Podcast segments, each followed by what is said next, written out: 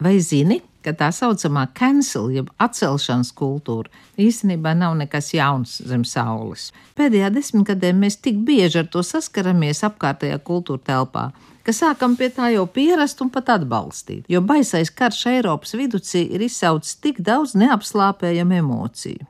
Pirms gada uz ekrāniem iznāca filma ar lielisko Keitu Blanšetu, diriģenta Staras lomā. Viņa tajā filmā mēģināja ar kādu studentu runāt par Beethovenu, bet tas BLM, Black Lives Matter, kustības pārņemtais tumšādēnais jauneklis teica, ka nespēlēšot baltā vīriešu un vergu tirgotāju valsts mūziku.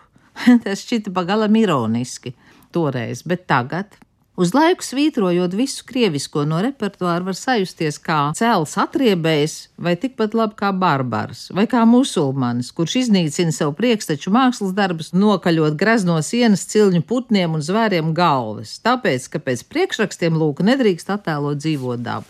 Vai atceraties stāstu par mogulu valdnieku Džahanu, kurš savai sievai uzbūvēja pasaules skaistāko mauzoleju, Taģmahalu?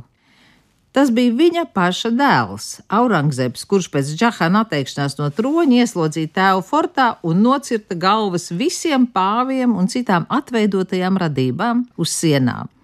Mīļās sievas mauzolejs Taģmahals bija pēdējais, ko viņš redzēja pa savas pilsētas tožņa logu, kas atradās tieši šajā fortā. Skaists stāsts, vai ne? Bet, kad tas pats notiek mūsdienās, man kļūst baisi.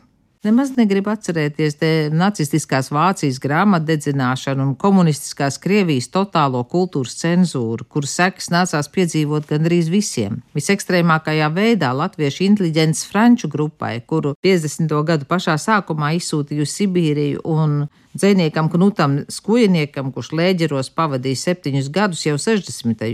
un daudziem, daudziem citiem. Tās bija un viena vēl ir totalitāras valstis bet demokrātiskā sabiedrībā? Vai tur arī ir vieta sava veida atcelšanas kultūrai? Lūk, ko varam izlasīt komponistu Jāņa Mediņa atmiņās par saviem trimdus gadiem Zviedrijā. Tā laikā, kad PSRS vardarbīgi apspieda Ungāru brīvības centienus, mūždien neitrālajā Zviedrijā Stokholmas orķestris atcēla padomi violnieku Igora Oistraha koncertu. Patiesības labad jāpiezīmē, ka koncerts tomēr notika, bet tikai zālē bez klausītājiem. Igors Voistraks spēlēja Stokholmas orķestra mūziķiem, vieniem pašiem. Pretēji atcelšana notika ar lielā meistara Dāvida Oistraha koncertu. Zviedri bija viņam paklājuši košu sarkanu deķīti. Oistraks mēģinājumā pamīņājies, pārbaudījis, vai grīd nečīkst, un sarkanais simbols ticis atcelts. Pazudis.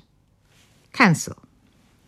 Kā jau Jānis Mediņam pierasts, viss stāsts skatīts caur humoru prizmu, taču pašam viņam nācās piedzīvot rūktu un rūktus brīžus tieši no saviem tautiešiem.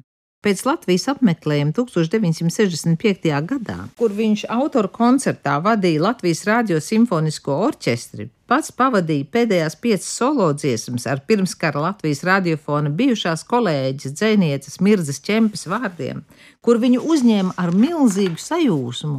Pēc tam 75-gadīgo komponistu vairs Zviedrijas trimda sabiedrība nesot laidusi iekšā baznīcā. Kaut ko līdzīgu piedzīvoja arī lieliskā dzēniece Velta Toma, no kuras pēc Latvijas atciemojuma novērsās Toronto Latviešu sabiedrība. Un tagad par mums pašiem. Šogad aprit 70 gadi violniekam, ansambļa Hortus mūzikas dibinātājam Andresam Mustonenam. Vēl nesen viņš ar savu ansambli viesojās Lielajā ģildē. Un jūlijā Kremerata Baltika ir apsolījusi ar šo leģendāro ansambli kopā nospēlēt trīs koncertus Igaunijā.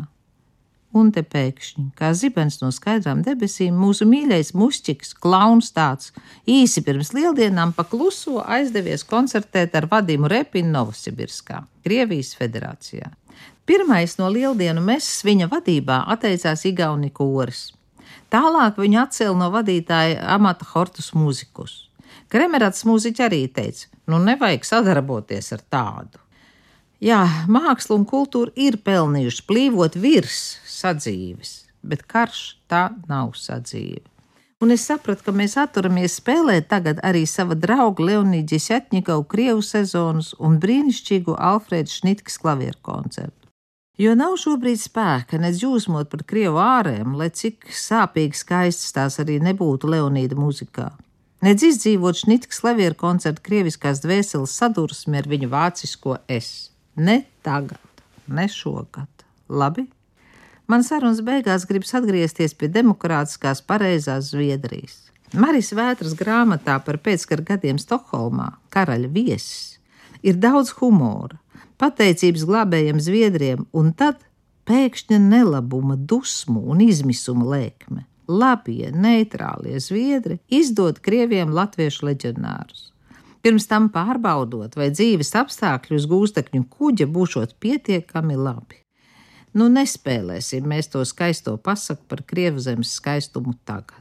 Piedod, mīļais draugs Ļoņa, piedod Andres.